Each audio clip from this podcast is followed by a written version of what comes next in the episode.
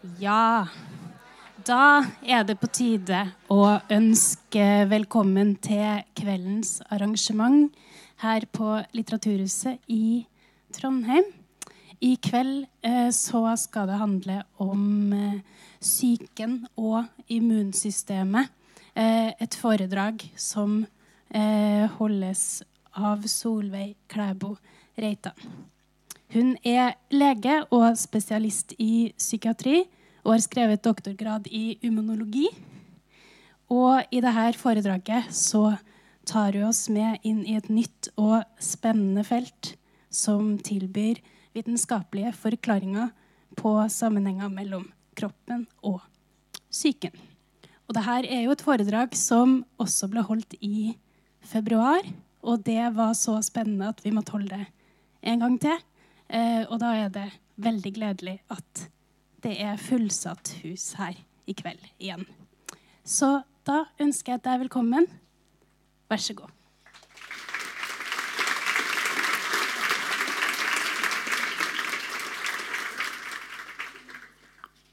Tusen takk. Det er, her er jo noe som jeg snakker veldig mye for kollegaer om på fagkonferanser. Så det er veldig men det er veldig fint å få lov til å snakke med folk som ikke bare er de som driver og forsker på akkurat dette nå. For her, du, Det ene er at det er artig å få lov til å formidle hva vi holder på med. Men det andre er at jeg får innspill når jeg snakker med folk etterpå, folk som har hørt på foredraget, til nye ideer, nye innfallsvinkler til det vi skal forske på. Så det er viktige tilbakemeldinger vi får òg. Men psyken og immunsystemet Skal vi se om vi får den her til å virke. Ja. Jeg har laga en disposisjon for foredraget. Først skal jeg snakke om psyken, så skal jeg snakke om immunsystemet. Så skal jeg snakke om psyken og immunsystemet.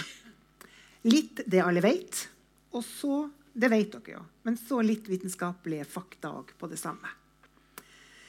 Så skal jeg si litt om mulige mekanismer for sammenheng. Så skal jeg snakke litt om feber. Det begynner å bli litt rotete nå, det her, men jeg skal, tror det skal være en sammenheng.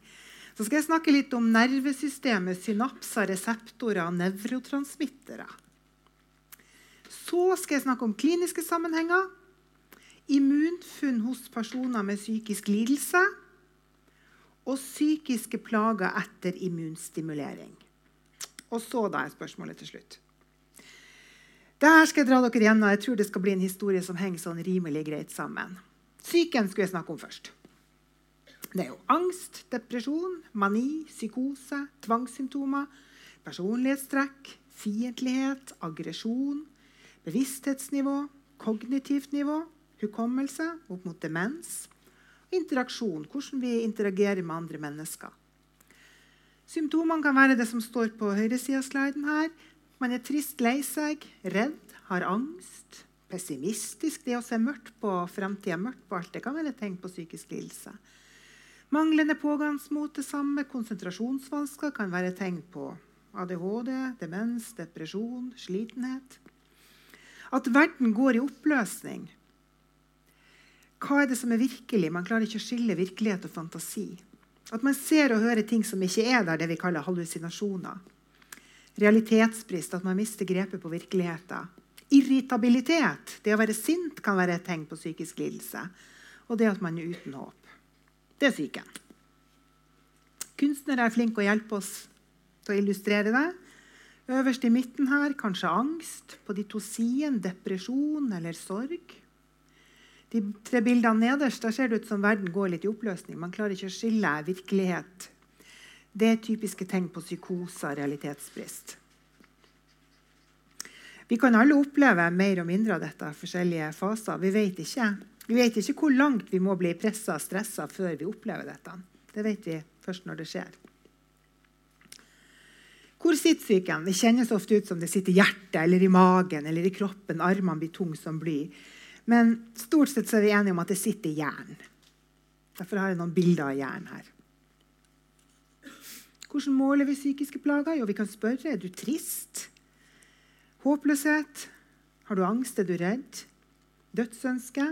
Så kan vi spørre strukturert eller ustrukturert osv. Men hvis vi ser til høyre, så i tillegg til å spørre folk, så vil vi også se og observere. Ser de triste ut? Ser de redde ut? Er de motorisk urolige? Er de irritable, voldelig, sint? Ser det ut som de har gått ned i vekt? Hvordan er kroppsholdninga? Er hun rank, eller er hun sammensunken? Hvordan puster man? Puster man rolig med magen, eller overfladisk og raskt? Alt det er ting som vi rundt både helsepersonell og folk flest kan se på folk, og som også er tegn på psykisk lidelse. Så det er ikke bare hva folk sier, men det er også, også hvordan de sier det.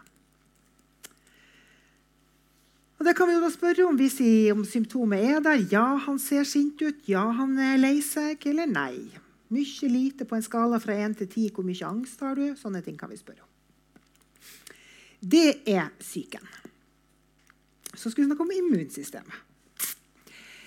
Eh, det er jo sånn, eh, Når man har immunsykdommer, så det er en sånn strektegning til høyre øverst der, da er man jo ordentlig syk. Som om det var i motsetning til psykisk lidelse. Men eh, det kan være infeksjoner, lungebetennelse, man kan være forkjøla, ha influensa, tuberkulose, kreft. Kanskje immunsystemet har vært for dårlig. Allergi, immunsystemet skyter feil. Det samme med revmatiske eller autoimmune lidelser. Immunsystemet skyter feil. Symptomene, det som står til høyre der, feber, smerte, blir rød og hovner opp. Så kan vi ta blodprøver. Senkning, se på hvite blodceller. Analysere for mikrober i blodet. Det er immunsystemet. Og hvordan ser det ut? Jo, man får kanskje utslett. Eh, man får kanskje feber, derfor er det et termometer øverst til høyre. Kanskje må man på sykehus og får eh, intravenøs, sånn som det nederst til høyre. Eh, smerte, blir rød, hoven. Man ser at noen er syk når det er noe med immunsystemet. Hvor sitter immunsystemet? Der? sa at Psyken satt i hjernen, sa jeg. Immunsystemet det sitter veldig mye i de hvite blodcellene som svever rundt i blodet. Det bildet midt på her. Eh, disse hvite blodcellene er ikke bare i blodet, de er også veldig mye i lymfeknutene, som er tegna inn til venstre her. Milten nederst. Og så tegna tarmer her. og Ikke for at dette skal handle om mat, men det sitter enormt mye immunceller, immunsystem, i tarmen. Tarmslimhinna. Så der finner vi immunsystemet rundt i hele kroppen, men særlig mye i lymfeknutene og i tarmsystemet. Hva er immunsystemet bygd opp av? da? Det har jeg tegna litt til høyre her. Først er det celler. Det er T-celler som dreper virusinfiserte celler og kreftceller. Eksempel, beskytter oss mot det. Plasma og B-celler produserer antistoff. og det som er tegnet som tagget her skal være makrofager, eterceller. Renovasjonsarbeidere som fær rundt i kroppen og spiser opp alt som er av bakterier, døde celler og andre ting vi ikke vil ha. Eh, men så trenger disse cellene å kommunisere seg imellom. Hvis du for har en soppinfeksjon en plass i kroppen, så trenger du masse celler av den typen som kan beskytte deg mot sopp dit. Og hvordan skal cellen, de hvite blodcellene, forsvarscellen, som har oppdaga de speidercellene som har oppdaga soppinfeksjon, for eksempel, hvordan skal de få sagt fra til resten av immuncellen som og springer rundt i tærne og halsen og alle andre plasser? De kom jo før Snapchat, her, før Facebook, før Messenger. Før, til og med før Telefax og Telex. Så når de skal kommunisere, så trenger de et eller annet verktøy. Og da har de det som jeg har prøvd å tegne nederst der, cytokina og kjemokina. De, det er små molekyler som produseres av én type immunceller og sendes ut som et signal til andre immunceller om at hit må dere komme, her er det en jobb å gjøre. Så de er en slags kurerer eller budbringere. Signalmolekyler. Slippes ut en plass i kroppen, sirkulerer rundt i hele kroppen til de finner en celle som de er eh, er skapt for å binde seg til, og så eh, kommer de cellene til rett plass. Jeg vet ikke hva neste bilde er. Sånn. Ja. De her forskjellige tingene kan vi måle. Det er jo ikke sånn at Vi kan gå og spørre immunceller god dag, god dag, hva du driver med i dag. Driver du, ja, du driver og beskytter mot en eh, virusinfeksjon. Det er ikke sånn. Men vi har avdekka kodene deres, sånn at vi kan ta blodprøver og måle antall celler, vi kan måle antistoffer og vi kan måle disse cytokinene. Og på den måten kan vi avsløre hva immunsystemet holder på med. Sånn at de her Stoffene som vi måler, de er jo ikke laga for at vi skal kunne måle dem. Det er ikke det er CRP som jeg har skrevet øverst sammen med senkning. Det er hurtigsenkninga man tar på legekontoret for å se om du har virus- eller bakterieinfeksjon. Det er jo ikke egentlig laga for at vi skal måle det. Det er jo laga for at det har en funksjon i kroppen, en signalfunksjon. Men når det nå først er der, så kan vi måle dem for å se noe om hva kroppen holder på med. Og det er det samme med disse forskjellige typene cytokiner. Vi måler dem, og det gir oss en indikator på hva immunsystemet holder på med. Det var immunologi. Kort innføring. Da jeg snakka om psyken som sitter i hjernen, og immunsystemet som sitter i celler rundt i kroppen, er det noen sammenheng her, da? Ja, alle vet jo at f.eks. når du er stressa ved eksamen, ved spesielle livshendelser så Hvis du har eksem, blir det gjerne verre. Blir lettere forkjøla. Studenter som har mye eksamener nå utover våren, blir jo nesten alltid forkjøla. Eh, hvis man har ja, f.eks. det at leddgikt blir utløst eller forverra av ekstremt psykisk stress Det er sånne anekdoter. Noen som har for mista et barn, et ekstremt psykisk traume, og det utløste leddgikt. Det er sikkert noen av dere som har hørt sånne anekdoter blant folk. At psykisk stress og traumer kan utløse og forverre revmatiske autoimmune sykdommer. Andre veien så er det jo sånn at når man er somatisk syk, enten det er en autoimmun sykdom eller bare en forkjølelse, magesyke, halsbetennelse, så blir man i litt dårlig humør. I hvert fall blir jeg det. Humøret forverres. Sånn at det er noe somatisk som påvirker humøret òg. Så det, er ikke alltid så lett å se forskjell på er det somatikk, kroppslig lidelse, immunlidelse eller psykiatri. Hvis dere Altså, Immunsykdommer måler vi ofte feber med termometer, som er øverst her. Mens eh, psykiske sykdommer det er jo sånn angst og sånn som skriker amok. Hvis dere ser på lista lengst til venstre, så står det svette, kuldefølelse, skjelving, hodepine, muskelsmerte, appetittap, irritabilitet, trøtthet, svakhet, slitenhet. Og så er det ei anna liste til høyre. Der står det høy puls, skvetten, skjelven, muskelsmerter, magesmerter, appetittap, irritabilitet, slitenhet, svakhet, fatigue Fatigue er et fint ord for svakhet. Trøtthet. Trøtthet og dyspnø, altså tungpust. Det er to lister med symptomer. Det ene er lista over symptomer ved feber og sykdomsfølelse. Det andre er lista over symptomer ved angst. Klarer dere lett å se hva som er hva? Nå var det meninga dere skulle si nei. Men det var kanskje noen som klarte å se forskjell. Jeg klarer ikke umiddelbart å skille dem uten at jeg i hvert fall konsentrerer meg mye. Fasiten er der. Den første lista jeg leste opp, var tegn på angst og depresjon fra en lærebok. Den andre lista var det vi kaller sykdomsfølelse, som vi bruker i somatikken. Så det er litt sånn, Har du disse symptomene og kommer inn på psykiatrisk, så sier vi ja, du har angst og depresjon. Har du de symptomene og kommer inn på infeksjonsmedisin, så sier de ja, det er sykdomsfølelse. Så det flyter litt sammen, det der. Så til litt mer sånn vitenskapelige fakta. Her er et eksempel på det. Eh, svensker er jo ganske like oss nordmenn. Eh, og I denne artikkelen som var publisert nå i 2018, så så de på svensker i perioden 1981 til 2003. Og så så de på de som var eksponert for stort psykisk stress. De som hadde psykiske belastninger. Kunne være stress, traumer, utvikling av PTSD, posttraumatisk stresslidelse osv. Og så så de på de som hadde vært utsatt for dette ekstreme psykiske stresset. Fikk de autoimmune sykdommer like ofte som de andre? Dere så det eksperimentet. Du har en stor befolkning, og noen kommer til å få autoimmune revmatiske sykdommer uansett. Men se på den gruppa som har hatt ekstremt psykisk stress, vært, altså mista noen nære dramatisk, vært i store ulykker, kanskje krigshendelser, utsatt for overgrep og vold osv. Og da ser man at De som har opplevd psykisk stress, det som kalles eksponerte, det var 106 000. Der var forekomsten av autoimmun sykdom 9,1 per, 100, unnskyld, per 1000. Mens i resten av befolkninga kontrollene så var forekomsten 6. Så I en befolkning er det jo alltid noen som får disse autoimmune sykdommene. Det er ikke helt borte. Men det er økt fra 6 til 9 per 1000. For, ikke fordi at folk har hatt en immunsykdom, men fordi de har hatt et ekstremt psykisk stress. Og det er flere sånne studier hvor det er en sammenheng mellom psykisk stress og forverring av immunsykdommer. Så da er vi kanskje inne på at det kan være noe sammenhenger. hvordan kan det være sammenheng? da? Det blir ofte veldig alternativmedisinsk. ikke sant? Sånn, du mediterer deg frisk, og psyken kan gi deg superkrefter hvis du bare er flink nok til å konsentrere deg. og sånn. Alternativmarkedet har liksom hatt hegemoni på å forklare disse sammenhengene mellom syke og kropp. Men har vi noen teoretisk mulige naturvitenskapelige forklaringer på dette i tillegg? Det skal jeg si noe om. Er det noen mulige sammenhenger mellom dette immunsystemet, som forsvarer oss mot bakterier, kreft, virus osv., og, så og psyken? Teoretisk mulige mekanismer. Det var da jeg skulle snakke litt om feber, for å snakke om noe nytt igjen.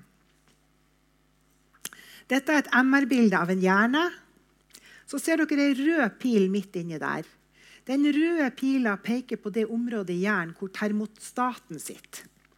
Det er sånn at når temperaturen stiger over 37 grader til 38-39 opp mot 40, så skjer det to ting. Det ene er at virus og bakterier fungerer stort sett dårligere. Og det andre er at immuncellen fungerer bedre. Sånn at Når du har en infeksjon, så er det en lur mekanisme hos kroppen å skru opp termostaten sånn at du får feber. Fordi at det hjelper deg i Forsvaret. Eh, og Måten det skjer på, det er at mikrober, sånn som bakterier, som jeg har tegna øverst her, kaller vi eksogene pyrogener, påvirker i boksen under leukocyttene, de hvite blodcellene, dere husker dem som svever rundt i blodet, til å produsere det vi kaller endogene pyrogener. Og det er det samme som disse cytokinene. Det er signalmolekylene. Snakk om at Signalmolekyler og cytokiner sender signal mellom immunceller. Og det er også de samme molekylene som sender beskjed til hjernen om at nå må vi skru opp termostaten her, for nå trenger vi mer temperatur, nå trenger vi mer forsvar mot mikrober. Og så aktiveres prostaglandin. Det er det vi hemmer med Paracet og Enside og sånne ting som vi bruker for å ta bort feber og smerter. Sender beskjed til hypotalamus midt inni hjernen der hvor den røde pila peker, om at nå må vi skru opp termostaten, og da får vi jo feber. Sånn at bakterier får immuncellen til å sende ut signaler som går midt inn i hjernen og skrur opp termostaten sånn at vi får feber. Men nå skulle jo ikke jeg snakke om feber, egentlig.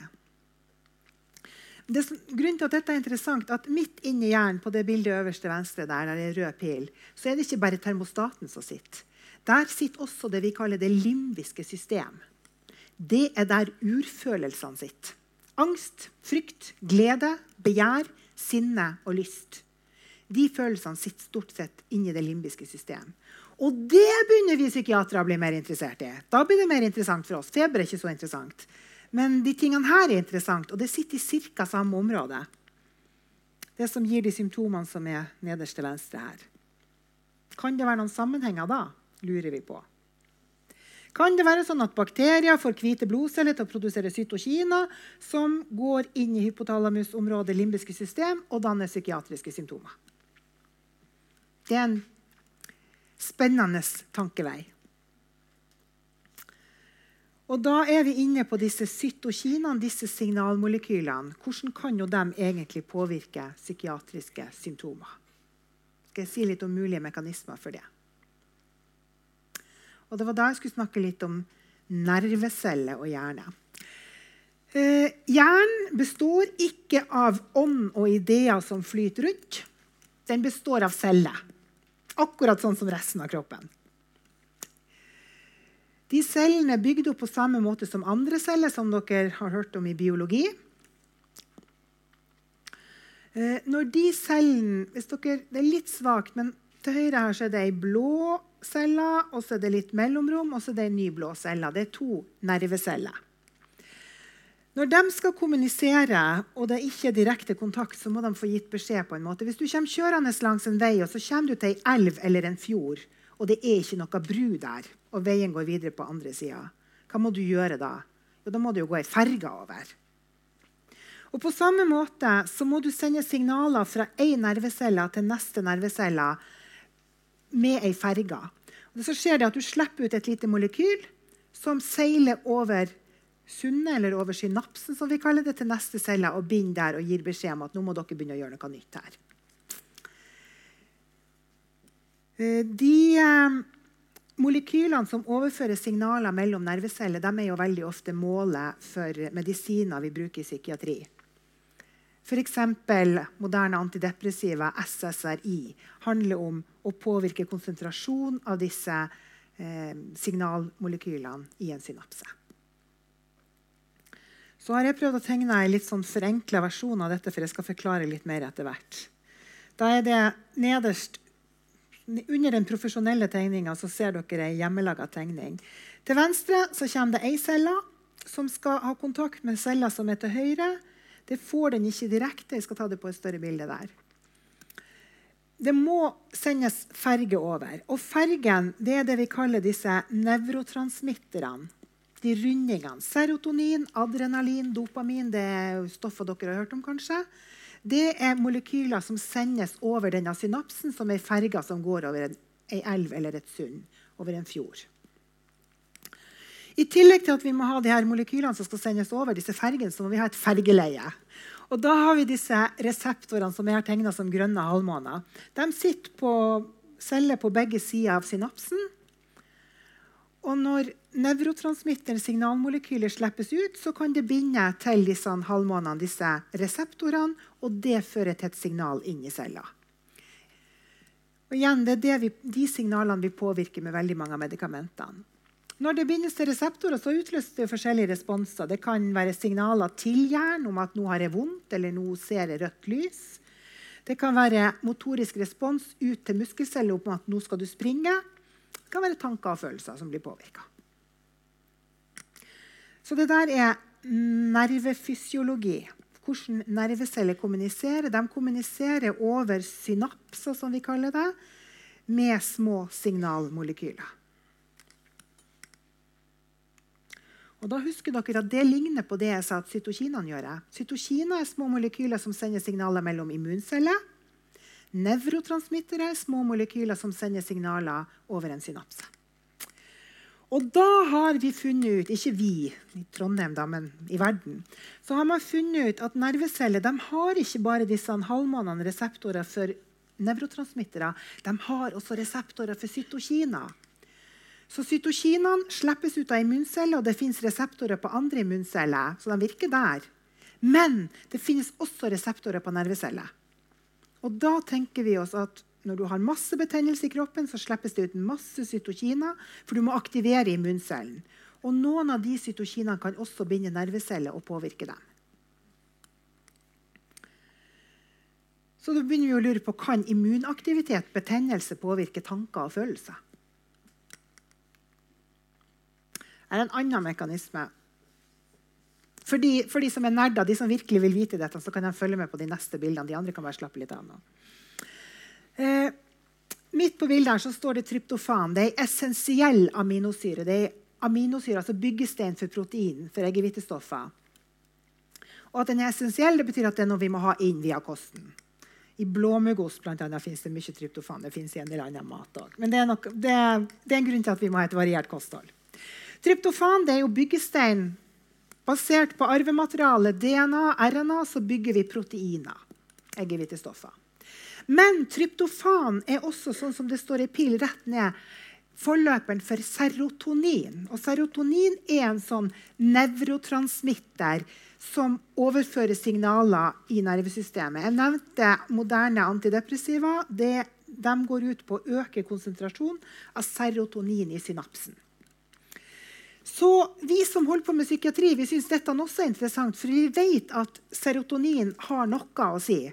Hvis du har angst eller depresjon og litt andre lidelser av og til òg, så kan det å øke konsentrasjonen av serotonin fjerne symptomene dine. Da blir det jo fristende å tenke hvis du har for lite serotonin, da får du symptomer. For har, er du deprimert og øker konsentrasjonen av serotonin, så blir du bedre. De fleste blir det. Ikke alle, vi er forskjellige. Men, og da er spørsmålet men hvis jeg tar bort serotonin, da, blir jeg deprimert da? Vi vet ikke. Men det er en mulighet.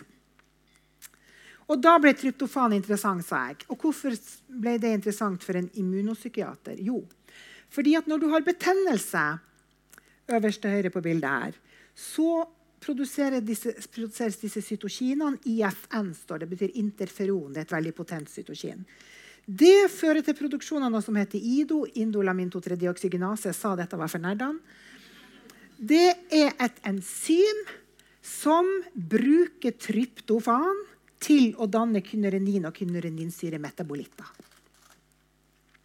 Og da har de smarteste av dere som så på dette, og som ikke slapp av, skjønt at når du har betennelse, så får du mye IDO, og da bruker du tryptofan til å danne mye kynureninsyremetabolitter. Da skjer det to ting. Du får kanskje lite tryptofan og lite serotonin. Og det var vi litt redd for. ikke sant? Fordi at øker serotonin fjerner depresjonssymptomer. Og da lurer vi på det å redusere serotoninnivået, vil det kunne gi symptomer på angst og depresjon? Dette er teoretiske muligheter. Vi vet det ikke ennå. Det andre er at det dannes mye kunerenin og kvinolinsyre, og de er i stor grad nevrotoksiske, altså skadelige for hjerneceller. Eh, sånn at uh, betennelse påvirker ting som har med hjernen å gjøre. Helt klart. Så da har jeg snakka om teoretisk mulige mekanismer. Jeg har sagt at cytokina binder nevroner, og cytokina påvirker nivået av nevrotransmitter. Teoretisk. Det var jo bare lek med å sette sammen forskjellige typer kunnskap. det her. Men eh, hvordan er cytokinnivåene hos ekte pasienter med psykiske plager? da? Hvordan er immunaktiviteten der? Dette er en studie fra Sverige. Den er fra 2009, så den er ikke kjempeny, men det er jo litt morsomt å dra fram nordiske ting. Og dette er en veldig elegant studie. De hadde 63 personer det er dem som er tegna øverst, liksom, som har gjort suicidforsøk, selvmordsforsøk. Ulike diagnoser, men de var lagt inn på somatiske avdelinger, somatiske akuttmottak, for å ha gjort et forsøk på å ta livet sitt. Ellers var de fysisk friske, hadde ikke noe betennelser. Og så hadde de 47 friske kontroller, som vi har prøvd å illustrere nederst. Så forskjellen var Den ene gruppa hadde noe psykisk som gjorde at de hadde gjort et forsøk på å ta livet sitt. Den andre gruppa hadde absolutt ingenting. Og fysisk var begge friske. Så tok man cerebrospinalvæske, den der væska som hjernen sirkulerer i. Når du tar et sånn ryggmargsfunksjon, så tar du ut litt cerebrospinalvæske, væska som, som, som, sirkulerer rundt hjernen, sånn at den flyter og har god støtdemping og ernæring. Eh, tar ut litt av det for å måle immunaktiviteten i området rundt hjernen. Cerebrospinalvæske. Og så analyserte man for konsentrasjon av disse cytokinene. For jeg sa at cytokiner, Ved å måle dem så kan vi avsløre og avdekke hva det immunsystemet holder på med. Det der er veldig vanskelig å lese, ikke sant? så jeg forenkla det. Dette er måling av ett cytokin som heter IL6, interleukin 6, hos disse personene som har gjort forsøk på å ta livet sitt. Konsentrasjon eller nivået av IL6 er oppover på andre aksen, mens bortover på første aksen har vi forskjellige grupper. Jeg skal si noe om det. Lengst til venstre står det CTR. Det betyr kontroll. Det er kontrollgruppa. Det er de friske kontrollene som frivillig gikk med på å ta eh, en prøve. Fysisk frisk og psykisk frisk. De har lite IL6. Den kolonna er ikke så høy. Den neste kolonna er de 63 pasientene som hadde gjort forsøk på å ta livet sitt. De er i utgangspunktet fysisk friske, men de har gjort et forsøk på å ta livet sitt, og det antar vi er av en psykiatrisk grunn. Dere ser at den kolonna er over dobbelt så høy. Mm. Så de hadde betennelse i området rundt hjernen. Og så er det jo noen av dere som tenker at hvis du får en skade, så skapes det jo betennelse. Og En del av disse har jo kutta seg, gjort hengningsforsøk, skapt alvorlig vevsskade, gjort voldelige selvmordsforsøk. Og Hvis du får vevskade, så vil du jo få en betennelsesreaksjon. Så det blir en bias her, det blir en forstyrrende faktor. Så man må ta bort de med voldelige Det som er lengst til høyre, det er de som har gjort voldelige selvmordsforsøk. Der er det jo kjempehøy betennelse. Det har ikke nødvendigvis noen ting som helst med det psykiatriske å gjøre. Det er fordi at de har skada kroppen sin, og kroppen driver og reparerer. Og da aktiveres immunsystemet. Så dem må vi se bort fra. Men hvis vi ser bort fra dem, så har vi de tre kolonnene hvor det under står AD, NOS, DEPR og MDD. Det er ikke voldelige suicidforsøk. Skal jeg si litt om de gruppene? Den gruppa hvor det står AD, det er adjustment disorder eller tilpasningsforstyrrelse. Da har man ikke en langvarig psykisk sykdom, men det har skjedd noe i livet man ikke takler. Kjæresten har gjort det slutt, strøket på eksamen. Et eller annet sånn dramatisk som gjør at det bare blir for mye der og da. Du var i utgangspunktet frisk, men du takler ikke den belastninga du får akutt. Har den mye betennelse? Nei. Det er like lavt som kontrollene omtrentlig det. Så det er ikke det å ha gjort et selvmordsforsøk i seg sjøl som gjør at du får betennelse. Men hvis vi går til den nest, kolonna nest lengst til høyre, der det står MDD under Det er forkortelse for Major Depressive Disorder, altså alvorlig depresjon. Den er høy. Og alvorlig depresjon er ikke noe du får fra en dag til en annen. Da har du gått med lett depresjon, som er gått over i en moderat depresjon, som etter hvert har gått over i en alvorlig depresjon. Og det går, over uker og måneder. Noen kan jo ha gått år med en ubehandla alvorlig depresjon. De har gått lenge med ekstrem psykisk lidelse. Og de har mye betennelse. Så den studien her handler ikke om selvmord, ikke selvmord. Den handler om å plukke ut de som har hatt, eller som, det handler om å vise at de som har gått med alvorlig psykisk lidelse over lang tid, de har samtidig gått med mye betennelse i kroppen. Dette er en norsk studie som viser det samme. Den er også litt gammel, men siden den er norsk, så syns vi det er gøy å vise den fram. Dette er mennesker med alvorlig depresjon. Og her er det et annet cytokin som er målt. Det var IL6 på forrige. Her er det TNF, eller tumornekrosefaktor. Konsentrasjon av tumornekrosefaktor er oppover på andre aksen. Mens det er to forskjellige tidspunkt, dag 0 og dag 34 på første aksen. Og da har vi ei gruppe av friske kontroller. Det må vi jo alltid ha. De har fått en rød strek, og da ser vi at på dag 0 så ligger de lavt på tumornekrosefaktor. Mye lavere enn pasientene som har depresjon. Og det ligger nå fortsatt lavt videre. Mens den grønne og den blå streken de ligger mye høyere. Så her, vi, her er det ikke folk som har gjort et selvmordsforsøk, men det er rent deprimerte pasienter. Friske kontroller har lav betennelse. Pasientene har høy konsentrasjon av betennelsesstoffer. Det å gå og være deprimert betyr at du har betennelse i kroppen. Akkurat det samme som det forrige bildet viste. Det som er var Poenget med denne studien det var jo å vise at når pasientene fikk ECT-behandling, elektrosjokkbehandling, som er veldig effektivt mot alvorlig depresjon, så vet vi fra klinikken at depresjonssymptomene forsvinner. Men du ser også den blå streken. Da går også betennelsen i kroppen ned.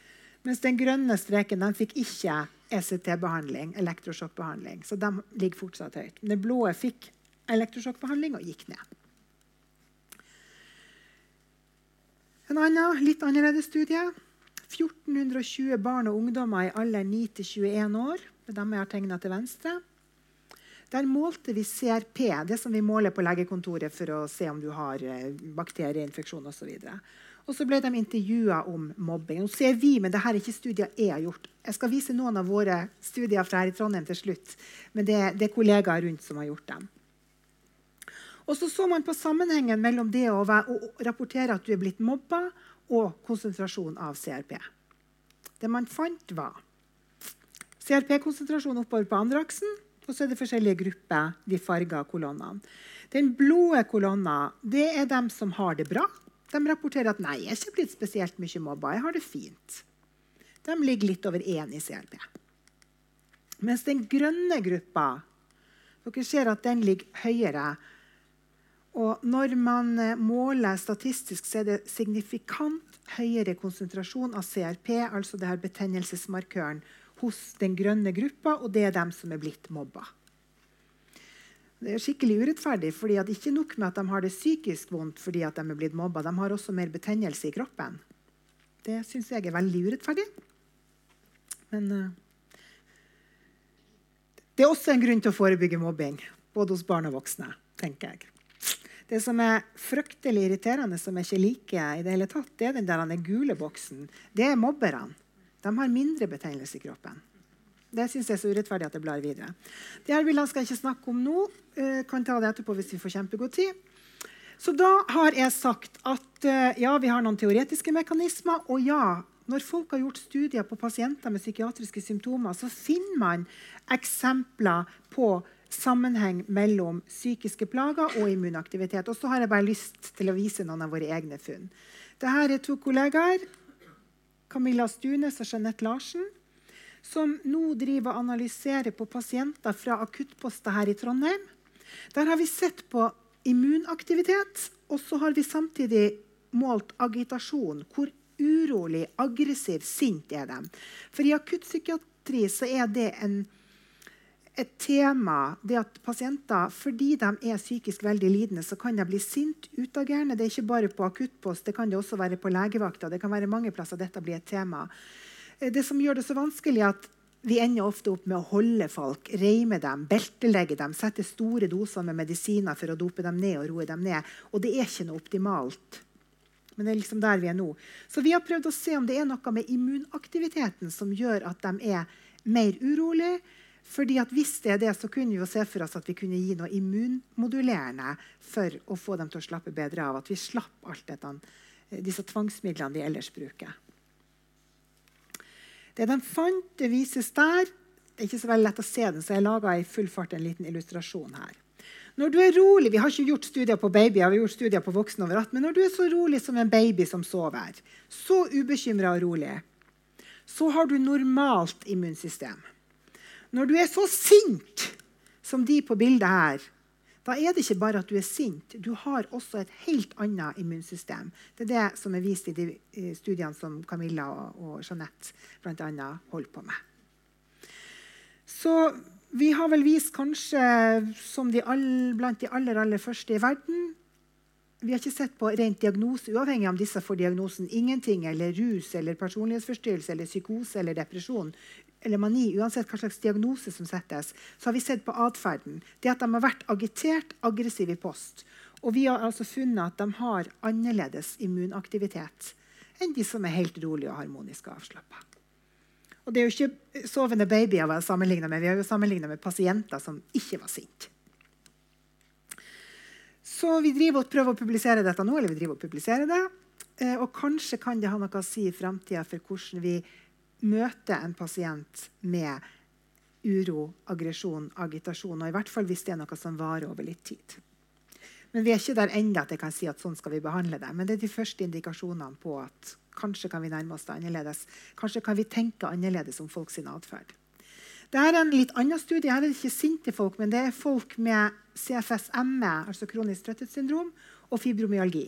Det er Nina Groven, en annen stipendiat hos oss, hun har sett på, fordi at Når det gjelder CFSM og fibromyalgi, så kommer jo spørsmålet opp er det en somatisk kroppslig lidelse eller er det en psykisk psykiatrisk lidelse. Og Da har vi tenkt ja, selvsagt er det begge deler. Du kan ikke skille på det. Så Nina har eh, sett på immunaktivitet og psykiatriske symptomer hos pasienter med CFS-ME og med fibromyalgi og noen friske kontroller. Kan godt hende noen av dere her har vært med på de studiene. Det vet jeg ikke. Det vi fant det er bare, det er også sånn foreløpig Denne holder vi på å publisere nå, og så kommer det mer data etter hvert. Dette er eh, konsentrasjoner av CRP. Dere kjenner CRP godt fra legekontorbesøk. Er det bakterier eller ikke? Bortover på første aksen her så har vi BMI, altså vekt.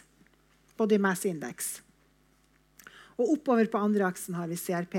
Grunnen til det er at vi må justere for BMI. fordi dere ser her at jo høyere BMI er, jo høyere oppgår søyla. Og vi vet at fettvev er betennelsesdannende. Så hvis man har høy BMI, er for tung, så har man også mer betennelse i kroppen enn hvis man er kjempetynn.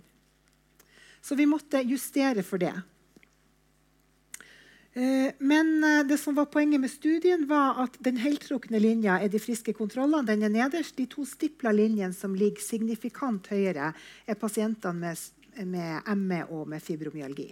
Det er pasienter fra smerteklinikken på St. Olav. sånn at De er plukka ut. De skal ikke være syke, de skal ikke ha betennelse. Det er tatt all verdens av blodprøver. De har bare ME eller fibromyalgi. Men når vi begynner å måle sånne finjusterte konsentrasjoner av betennelsesstoffer, så ligger de signifikant høyere enn friske kontroller. Så det er noe betennelse der òg. Og Det kan også få konsekvenser for hvordan vi skal se på sykdommene og behandle det i framtida. Så da har jeg snakka om teoretisk mulige mekanismer og om cytokinnivåer ved psykiske plager. Men er det psyken, hjernen, som påvirker immunsystemet? Psykoimmunologi. Eller er det immunsystemet som påvirker psyken, altså immunopsykiatri? Eller er det noe annet vi ikke har tenkt på det spørsmålstegnet oppe der, som påvirker begge deler? Er det derfor vi finner psykiatriske plager sammen med immunendringer? Det har jeg jo ikke sagt noen ting om. Det må vi også se på.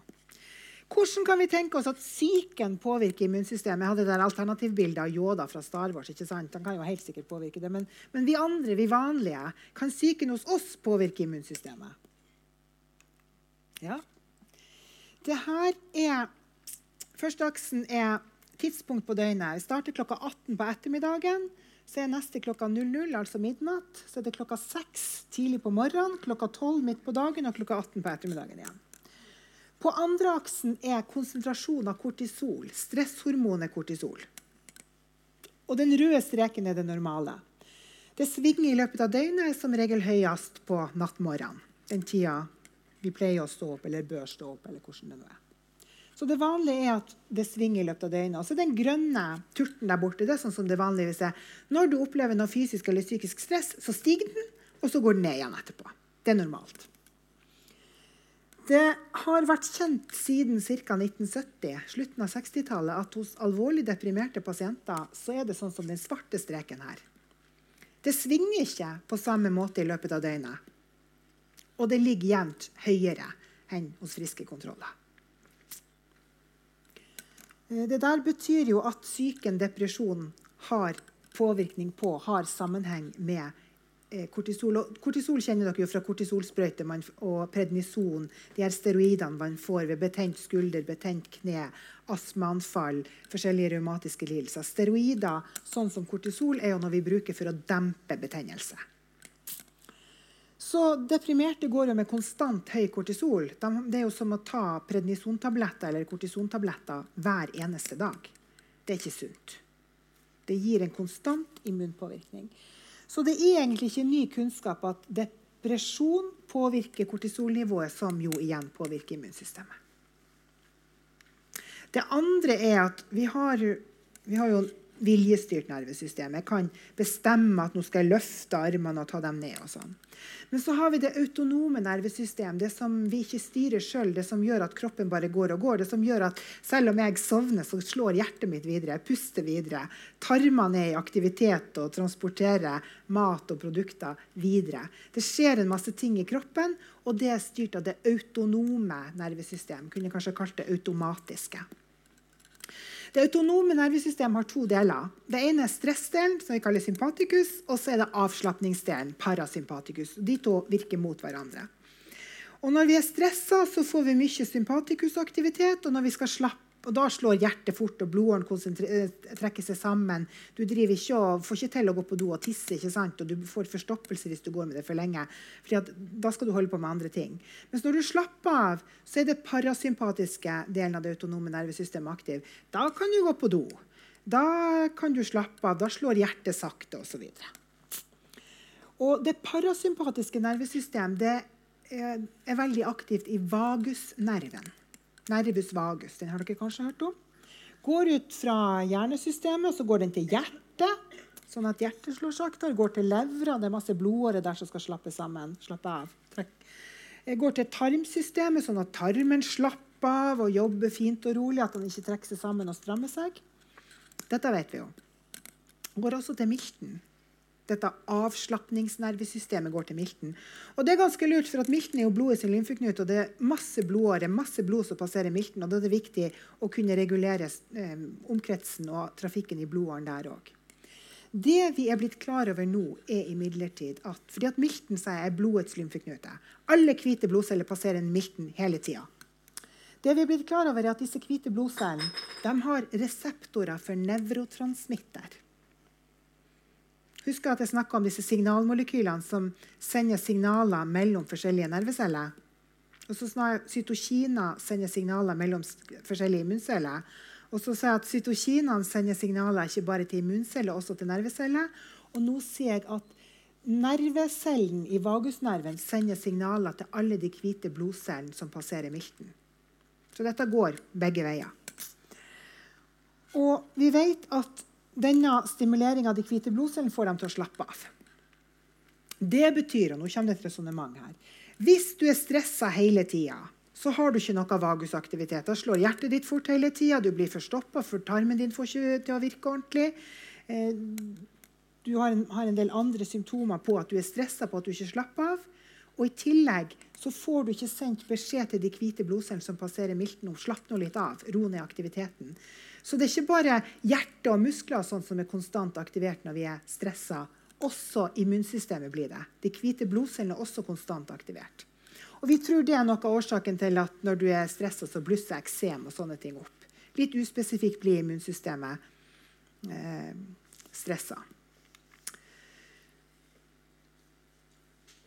Så psyken kan påvirke immunsystemet ved å påvirke kortisolnivået og ved å påvirker cellen direkte. Er det noen indikatorer på det? Det er et litt sånn komplisert bilde. MS, multippel sklerose, er en nervesykdom hvor immunsystemet på en autoimmun, revmatisk måte angriper isolasjonsmaterialet rundt nervecellen. Skader det. Dermed får du ikke noe god ledning i nervene, og dermed kan du få lammelser de lammelsene du får ved MS. Så MS ser vi på som en autoimmun sykdom, en sykdom hvor immunsystemet skyter feil. En revmatisk sykdom. Det er poenget med MS. I Danmark har de registre for mye rart. De har bl.a. register over hvem som har utvikla MS i en periode. Så hadde de i tillegg register for alle som mista et barn i perioden 1980 til 1996.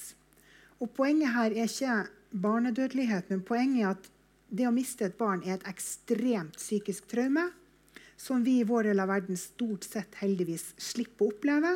Så det blir et ekstremt psykisk traume som bare en liten gruppe av befolkninga har. Ser dere den?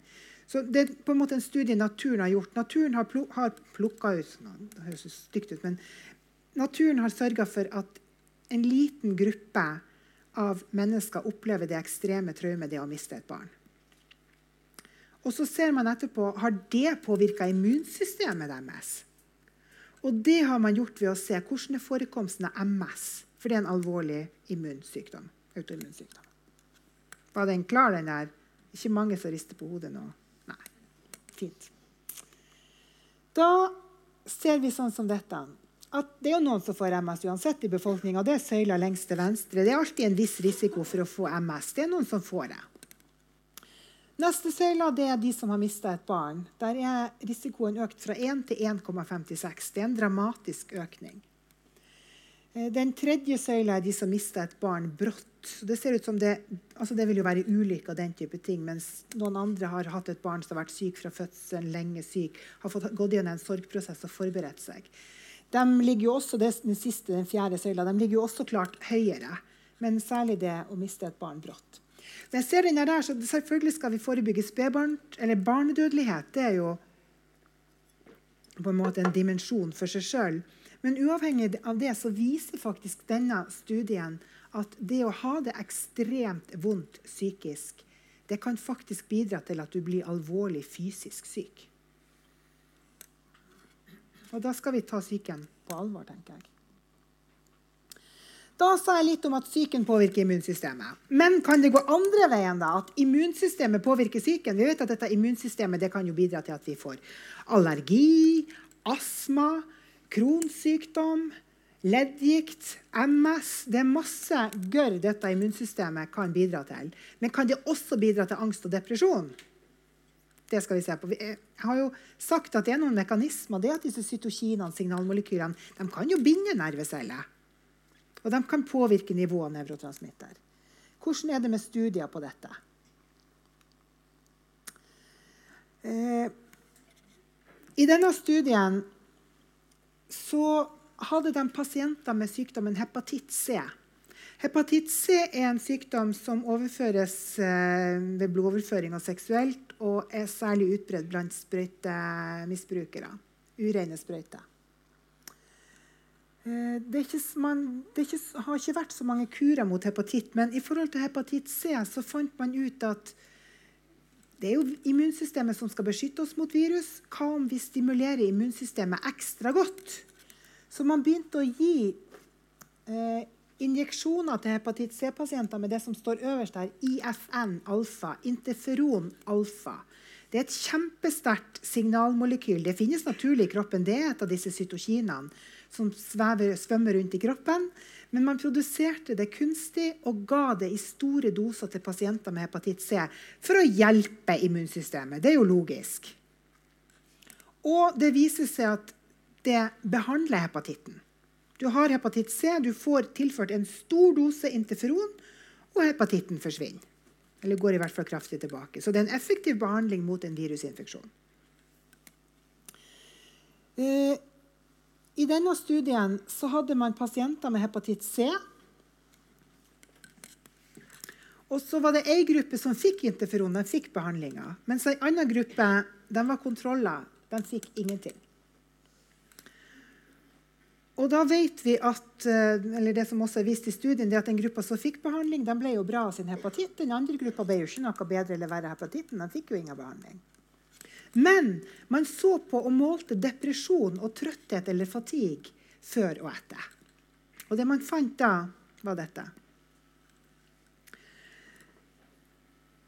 Graden av trøtthet og depresjon oppover på andre aksen, og så er de forskjellige gruppene bortover. Jeg skal ta dere igjen av det. Lengst til venstre så har vi kontrollene. De har hepatitt C, men er ellers friske. Skal ikke få noe behandling. De har verken noe særlig depresjon, det er den eh, grønne, eller trøtthet, fatigue, den blå. De er jo ikke trøtte og deprimerte, de har jo bare hepatitt. Og etter tolv uker så ligger de nå akkurat like lavt. Kontrollene pre og post er like. Pasientene, eller alle pasienter Men de her, ved start så er de jo helt like. Det er bare at disse er trukket ut til ikke å få noe, og disse i den tredje gruppa kolonner er trukket ut til å få behandling. De er jo ikke deprimert og trøtt før. Det var hepatitt de hadde. Men etter tolv uker med behandling så er de kvitt hepatitten. Og er de da glad og lykkelige? Nei. Dere ser at søylene helt til høyre er signifikant mer både deprimert og slapp og trøtt. Eh, og dette er det vi ser i klinikken òg. Når pasienter får behandling for hepatitt C med interferon alfa introna, så er det 30-35% som utvikler angst og depresjon.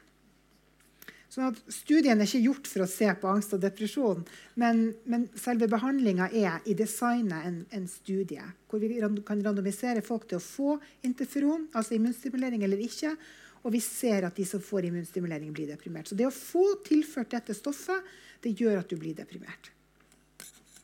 Og vi tenker jo om dette med sykdomsfølelse ofte det er ikke rart du er lei deg, du som har gått og vært syk lenge nå. Da tenker vi psykologisk. Men disse er jo ikke syke, de er jo blitt friskere, så de skal jo være gladere. Så det viser at det er ikke bare det psykologiske. i hvert fall. Det er noe med immunstoffene som påvirker hva vi tenker og føler.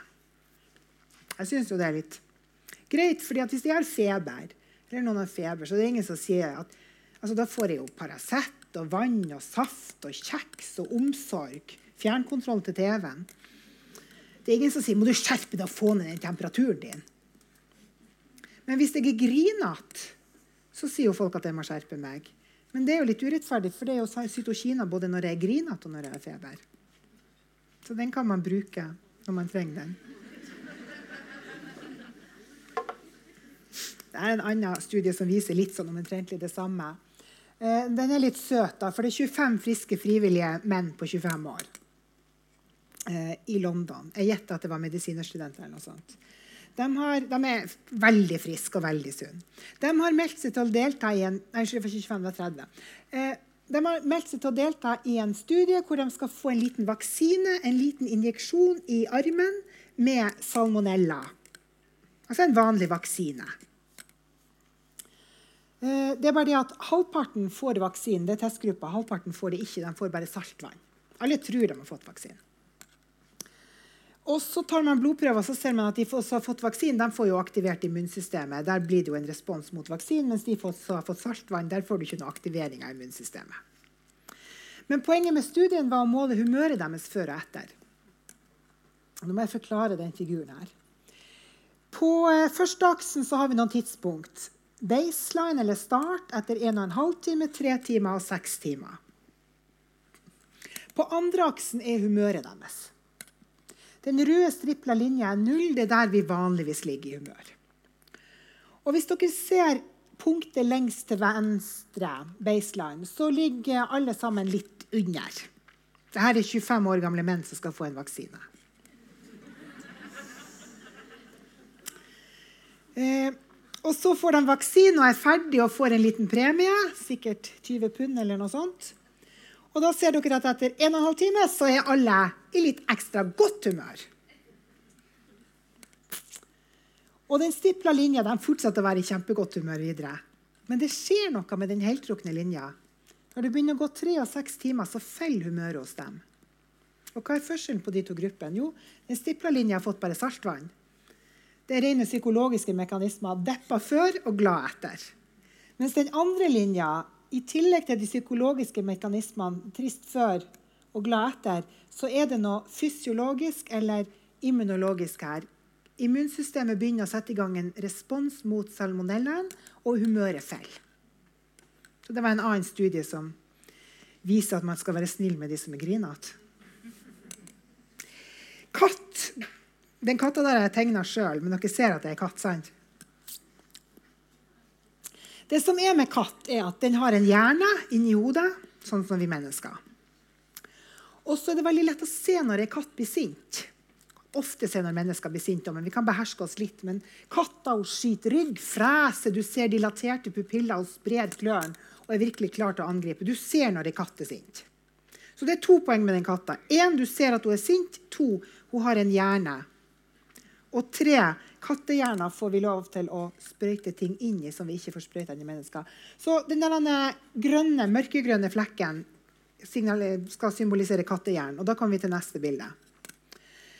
Hvis vi i en kattehjerne som til høyre, nei, unnskyld, som til venstre for dere, sprøyter inn enkelte immunstoffer, og da er det cytokinene IL1 beta og IL2 for de som skal detaljene. Når vi sprøyter de spesifikke cytokinene inn i hypotalamus, dere husker det området hvor termostaten og det her er, eller PAG, som er forkortelse for periakveduktale grå substans, det er forskjellige områder inni hjernen. Når vi sprøyter det ikke hvor som helst i hjernen, og ikke hvilke som helst cytokiner, men noen spesifikke cytokiner i noen spesifikke områder i hjernen på katta, da blir katta sånn som vi ser nederst på bildet der. Da blir hun sint. Og så vil de mest eh, katteelskende og humane og intelligente av dere si at ja, særlig. Når du sprøyter noe inn i hjernen, så blir man jo irritert. Det hadde helt sikkert jeg også blitt. Men det er ikke sånn. fordi at hvis du sprøyter samme volum med cytokin og cytokinhemmer inn i samme områdene, sånn at det samme volumet skulle være like irriterende for vevet, men det, du har hindra cytokin i å binde reseptoren sin, så er de sånn søte og snille og hyggelige. Så cytokin, visse immunstoffer, binder til visse områder av hjernen og gjør at i hvert fall katter blir sinte. Og da ser jeg ikke bort fra at det kan bety at vi også kan bli sinte. Det er ikke bare å beherske seg. Så vi har gått gjennom teoretisk mulige mekanismer. Cytokina binder nevroner, og cytokina kan påvirke nivået av nevrotransmitter. Cytokina eller immunaktivitet. Og Poenget med cytokiner her er jo at det er et mål på immunaktivitet finner vi ved psykiske plager. Vi har noen studier ute i verden, og vi har noen studier her i Trondheim vi holder på med. Psykisk stress påvirker immunsystemet. Eksamensstress og eksem er én ting, men den der med ekstreme traumer som å miste et barn og MS er en mer dramatisk ting. Og vi ser at det er en sammenheng her. For bare vi tilfører cytokina immunstoffer, til friske folk, så får de symptomer. Depresjon, trøtthet, fatigue, angst, til og med aggresjon, som de kattestudiene viste. Hva slags kliniske konsekvenser har det? da? Jo, vi som jobber med pasienter, må jo da lettere forstå bakgrunnen for lidelsen og hva som opprettholder det. F.eks. det med kroniske smerter etter psykiske belastninger, kronisk depresjon. Det kan ofte bli en ond sirkel hvor du har opplevd noe veldig vondt i livet som gjør at du får betennelse, som igjen trigger at du blir mer deprimert, som gjør at du får mer betennelse osv. Så, videre. så det er stort potensial for onde sirkler her. Å vite noe om dem kan jo gjøre at vi lettere kan hjelpe folk å behandle. Bryte de onde sirklene. Så kan vi lete etter samtidig betennelse. Må jeg ordne på mikken? Har jeg vært litt urolig nå? Litt agitert? Litt agitert, sant? Takk. Eh, vi kan lete etter samtidig betennelse ved psykiske lidelser. Og det er viktig der hvor folk har en angst eller depresjon, tvangssymptom, psykoselidelse og den behandlinga vi har standard i dag, hjelper, så er det jo greit. Men det er ikke alltid den behandlinga vi har, hjelper. Av og til så gir den for mye bivirkninger, av og til så hjelper den ikke i det hele tatt. Og da kan vi begynne å tenke hmm, er det kanskje en betennelse her i tillegg som ligger under og, og maser og irriterer, som vi skulle ha behandla. Så vi bør nok i en del sånne tilfeller lete etter de betennelsene. Og det her det er litt sånn, litt sånn, nytt for oss på Universitetssykehuset i Trondheim. Men alle som har jobba som hjelpepleier og pleiemedhjelper på sykehjem, vet jo at når ei dement gammel dame blir sint, så sjekker vi har hun fått urinveisinfeksjon. Så det er sånn kunnskap som folk flest egentlig har. Men nå har, vi, nå har, vi, litt molekyler og forklaringer på det som gjør at også vi leger kan ta det inn over oss. Eh, og det betyr at Hvis du har en psykisk lidelse, hvis du er deprimert og samtidig er mye plaga av leddgikt, allergi, et, en eller annen immunsykdom, så skal vi ikke bare behandle den psykiske lidelsen. Vi må behandle begge samtidig, og vice versa. Vi må også se etter den kroppslige plagen.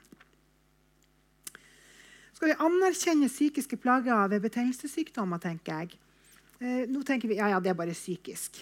Få litt grann, sånn, Tenk positivt, så går dette bra. Men det er ikke sikkert det er bare psykisk. Det kan hende at det, den kroppslige, somatiske sykdommen også skaper de psykiske plagene. Og da må man kanskje få ordentlig behandling for det. Og så kommer det spennende. Kan vi begynne å behandle det vi kaller psykiatriske lidelser med betennelsesdempende medisiner?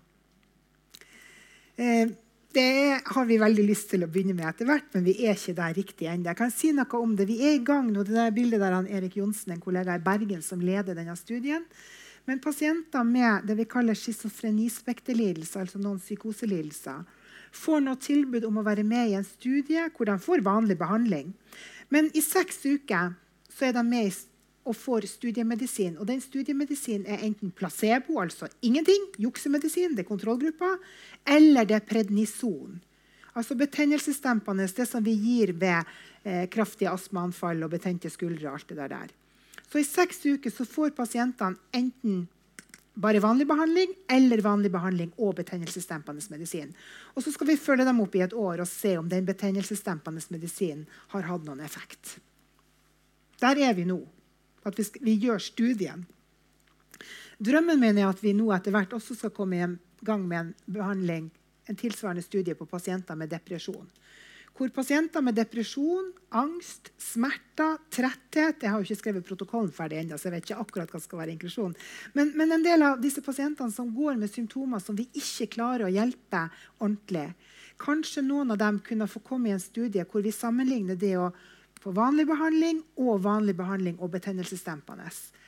For hvis betennelsesdempende kan hjelpe oss til å ta ned aggresjon, depresjon osv., så, videre, så kan det være et stort fremskritt.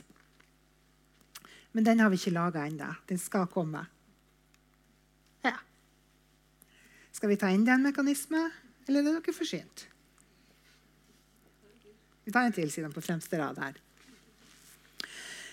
Dere husker disse nervene mine som sender sånn, det er sånn fergetrafikk mellom nervene. Det er nevrotransmitter, signalmolekylene i nervesystemet. Og så var det disse cytokinene, signalmolekylene, som kunne binde nervecellen, dem òg. Det har vi snakka om. Det kan dere nå. De der nervecellene kan også bli bundet av antistoffer. Antistoffer er et annet sånn element i immunsystemet som i utgangspunktet brukes av immunsystemet for å merke mikrober. Når vi skal se om du er immun mot noe, om du har fått en vaksine eller om du har hatt en infeksjon, så måler vi nivået av antistoffer mot den mikroben i blodet ditt. Så Antistoffer er tradisjonell, god, gammeldags, veldig viktige stoffer i immunsystemet. Det de gjør, altså Vi kan måle dem for å se om du er immun, men det er jo ikke derfor de er laga. De er laga fordi at når de binder en bakterie eller ei kreftcelle, så Sett dem i gang en betennelsesreaksjon, sånn at du skal kvitte det med den bakterien eller kreftcella. Av og til så binder de der antistoffene til ting i kroppen sjøl. og skaper betennelse mot det. Det kan jo være antistoffer som binder i et ledd og begynner å skape betennelse som om du skulle fjerne det leddet, og skape en artritt, en leddbetennelse. Men de kan også binde til nerveceller og skape betennelse. Eh, får, da får du jo en du kan, De kan bare stimulere kan være en sånn enkel variant hvor de bare etterligner nevrotransmittere. dem også. Men de kan skape betennelse i hjernen på samme måte som ved leddgikt. kraftige betennelser. Hvis du har en flis i fingeren, så kan du jo få en svull, en byll med masse puss. Det kan bli en sånn betennelse i hjernen hvis du har antistoffer som binder hjernen. Det er ikke bra. Der er en annen kollega, Sverre Sæter. Han har studert sånne antistoffer mot reseptorer i hjernen. Vi trodde vi skulle vi, var, vi, målte antistoffer hos pasienter som var innlagt på akuttpostene hos oss. For vi vet at av og til så ser det ut som pasienten har en typisk psykose, som ved f.eks. schizofreni. Og så er det ikke det. Det er antistoffer, det er en betennelse mot hjernen. Og da skal de ha en helt, helt annen behandling. Det vi ser er ofte at Pasienten kommer inn, kanskje er de litt eldre enn en vanlig psykosepasient. Kanskje har de litt mer voldsomme symptomer enn det vi er vant til å se. Men først og fremst så prøver vi å gi dem tradisjonelle antipsykotiske medisiner, og det hjelper ikke. Og hvis vi, begynner, hvis vi, tenker riktig, da, så tar vi en blodprøve og så finner vi disse antistoffene mot hjernen. Og De skal jo ha immunbehandling. De skal jo ikke ha antipsykotikabehandling. Og når vi får gitt dem immunbehandling, så blir de friske. Det er ikke ofte dette skjer. Eh, det er jo ganske ny kunnskap, så Vi målte konsentrasjonen av sånne antistoffer hos en del pasienter som hadde vært lagt inn på akuttpostene hos oss. Vi tenkte at oi, kanskje det har vært masse av dette før vi oppdaga det. før det ble kjent. Men heldigvis egentlig, så fant vi ikke noe mye av det. Det var ikke mange pasienter som hadde gått feildiagnostisert. Heldigvis. Sånn, for publisering hadde det jo vært spennende å få høye tall. Men for omsorg for pasientene så er jeg veldig glad for at vi ikke fant det. Men man skal være klar over det. Hvis man har et psykiatrisk sykdomsbilde som ikke passer helt, og særlig når pasienten ikke responderer på den behandlinga vi tror skal virke, da skal vi ikke bare dynge på med mer og mer og mer av samme behandlinga. Da skal vi ta et skritt tilbake og tenke, og en av tingene vi skal tenke, kan det være en immunsykdom her? Oppsummering. Immun nei, syke og immunsystem. Det opptrer samtidig i sammenheng. Det er sammenfallende symptomer. Dere husker denne lista mi over symptomer på angst og symptomer på sykdomsfølelse. Jeg flyter veldig mye sammen. Mulige mekanismer for at immunsystemet påvirker psyken, finnes. Vi har disse cytokinene og vi har disse antistoffene. Vi vet at det er endringer i immunaktivitet ved psykisk lidelse. Og vi vet at immunstimulering kan gi psykiatriske symptomer. Alt dette har vi gått igjennom nå. Hvilke konsekvenser har det? Jo, det har konsekvenser for hvordan vi forstår sykdommene. For hvordan vi forebygger kanskje det her med psykisk stress og somatiske autoimmune sykdommer. Og kanskje for hvordan vi behandler, i hvert fall når, ikke, når ting ikke, ikke, stemmer helt. Også framtida kanskje. Kanskje kan vi gi immunbehandling til psykiatriske pasienter. Det har vi gått gjennom. Det var bare oppsummering av alt. Så nå vet vi at det er en sammenheng mellom immunsystemet som sirkulerer rundt i blodet, og psyken som sitter i hjernen. Det får noen konsekvenser for forståelse og behandling. Og kanskje det er sånn at Når vi kan masse om immunsystemet, så kan vi behandle sånn at vi blir bare glad og lykkelige. Um, det jeg ikke har snakka om nå, det er andre, jeg har mye om eksempler på angst, og depresjon og trøtthet. Det er også ting rundt det med psykose og PTSD, posttraumatisk stresslidelse og andre lidelser som jeg ikke har snakka om. Og så har jeg ikke snakka om mikrobiomet, som er det store nye. Eh, de grønne boksene her, der står det først det Lengst til venstre står det mat og mikrober i miljøet. Det spiser vi. Så kommer det ned i tarmen og påvirker tarmfloraen, som står i den andre boksen. Og så husker dere at Jeg viste bilde av tarmen når jeg skulle si hvor immunsystemet var. Det er masse masse, masse, masse immunsystem i tarmen. Sånn at Bakteriene i tarmen, hva slags type bakterier vi har der, det påvirker i veldig stor grad immunsystemet i tarmen. Og det igjen påvirker jo immunsystemet i hele kroppen, i blodet, som sirkulerer rundt og også går til hjernen og påvirker psyken. Så sannsynligvis så er det noen sammenhenger her mellom hva du spiser, hva slags tarmflora du har, og psykiske forhold. Og det er det nye, store forskningsfeltet der vi virkelig skal begynne å kanskje finne behandlingsmetoder eh, framover. Og det er også sånn som har vært litt sånn alternativmedisinsk at kosten skulle påvirke psyken. Men det er eh, biologiske, naturvitenskapelige forklaringer på det. Men det får vi ta en annen gang. Så jeg tenker at Med denne kunnskapen om psyken og immunsystemet så snur vi verden litt på hodet i forhold til sånn som vi har tenkt før. Eh, og da blir vi jo kanskje litt glad. Det var det jeg tenkte vi skulle snakke om i dag.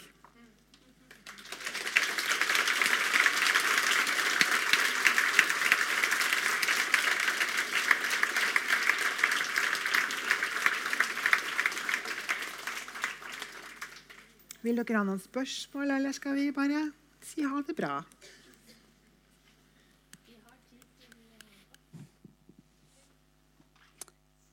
Vi har tid til et par spørsmål. Ja, hvis, Ja, hvis det er noen som har noe på hjertet. Spørsmål eller kommentarer?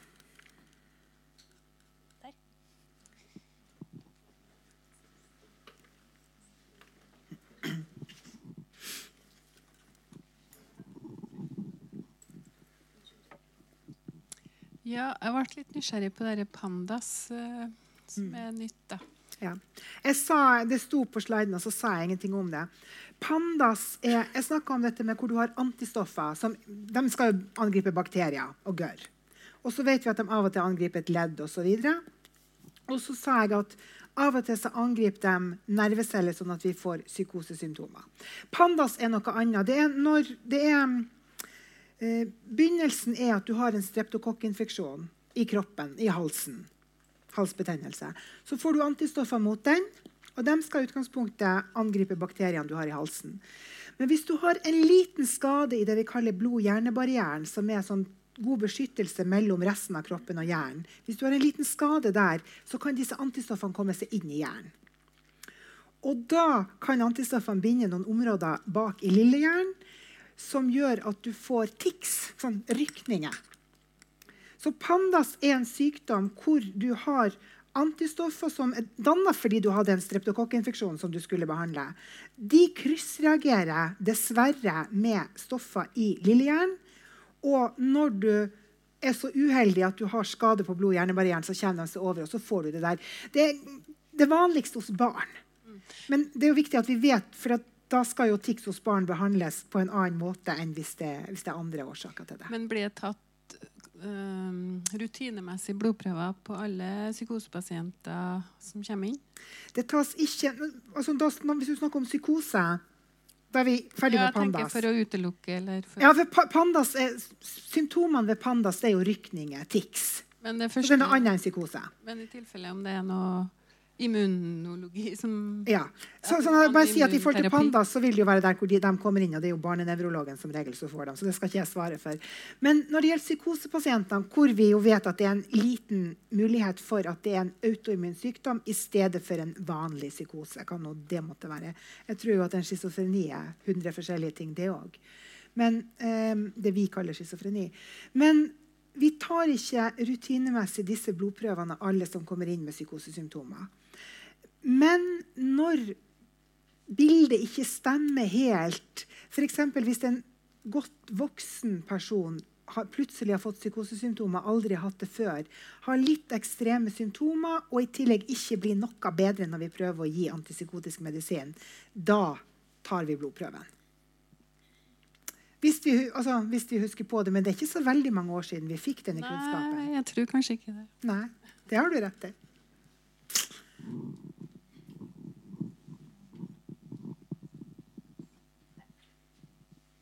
Det var der. Hei. Jeg lurer på om det kan være noe evolusjonsmessig fordelaktig ved at humøret går ned når immunforsvaret jobber så hardt. Mm, det kan du sikkert reflektere litt over, du òg, siden du har tenkt ut spørsmålet. Ja, for du, ja, du min- kanskje, du, ja, du har men, kanskje eh, en idé? min, min første tanke er jo at hvis vi har dårligere humør og er mer slitne, og sånne ting, så, er det, eh, så hjelper det oss å holde oss mer i ro da, når immunforsvaret kanskje må jobbe. Men det, tror du har rett i det at når du er syk, så trenger du å hvile. Mm. Nå har vi sykemelding i våre dager, men når man var i steinalderen, så hadde de jo ikke det. Og da kunne det kanskje være lurt at du var slapp og trøtt, sånn at du la deg hvilte, og kroppen brukte kreften på å bli frisk. Mm. Så jeg har, ikke, jeg har ikke noe utover det du har tenkt, men, men jeg tenker også sånn, ja. Ja. Mm.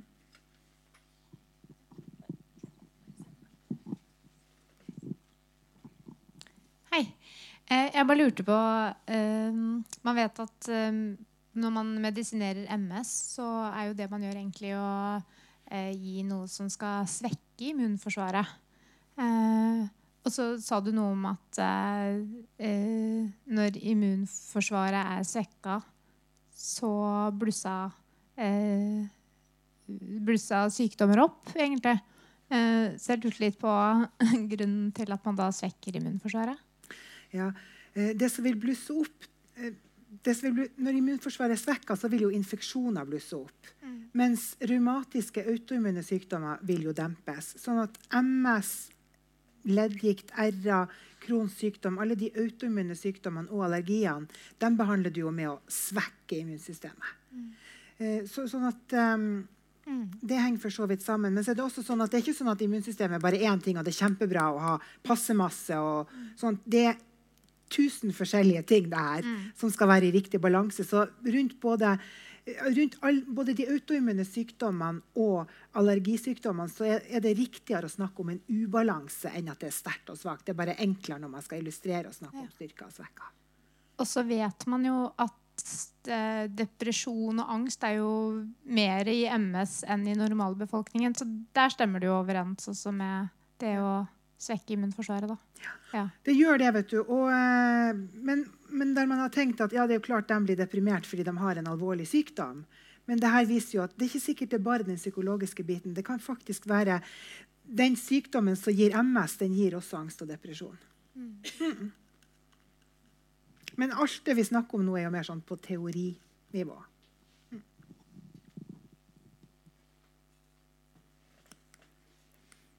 Var det flere spørsmål? Ja. Da tar vi et siste. Hallo. Eh, tilførsel av cytokiner. Eh, er alle tilfeller bevist å gi eh, negativ effekt på syke? Nei, det er når du gir cytokinet interferon alfa. Det er jo 200 cytokiner minst. Det er sikkert 1000 òg. Vi har ikke oppdaga dem ennå. Så det er når det, du gir det spesifikke cytokinet.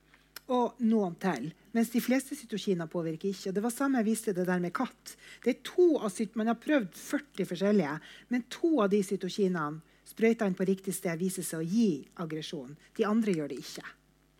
Så cytokiner er vi, vi omtaler det som én sekk, men det er veldig mye forskjellig.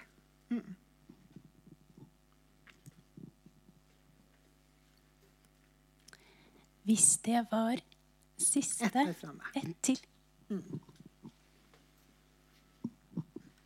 Eh, ja, når man har f.eks. MS, eh, så ble det sagt at man svekker immunsystemet, og da lettere for å få angst og depresjoner.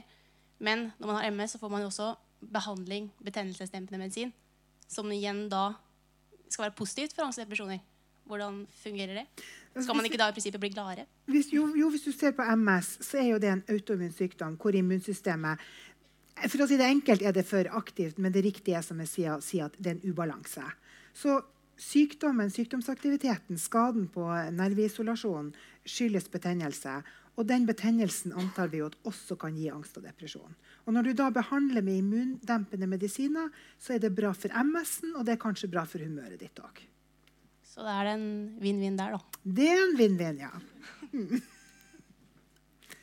Ja. Tusen takk for at dere kom og hørte på.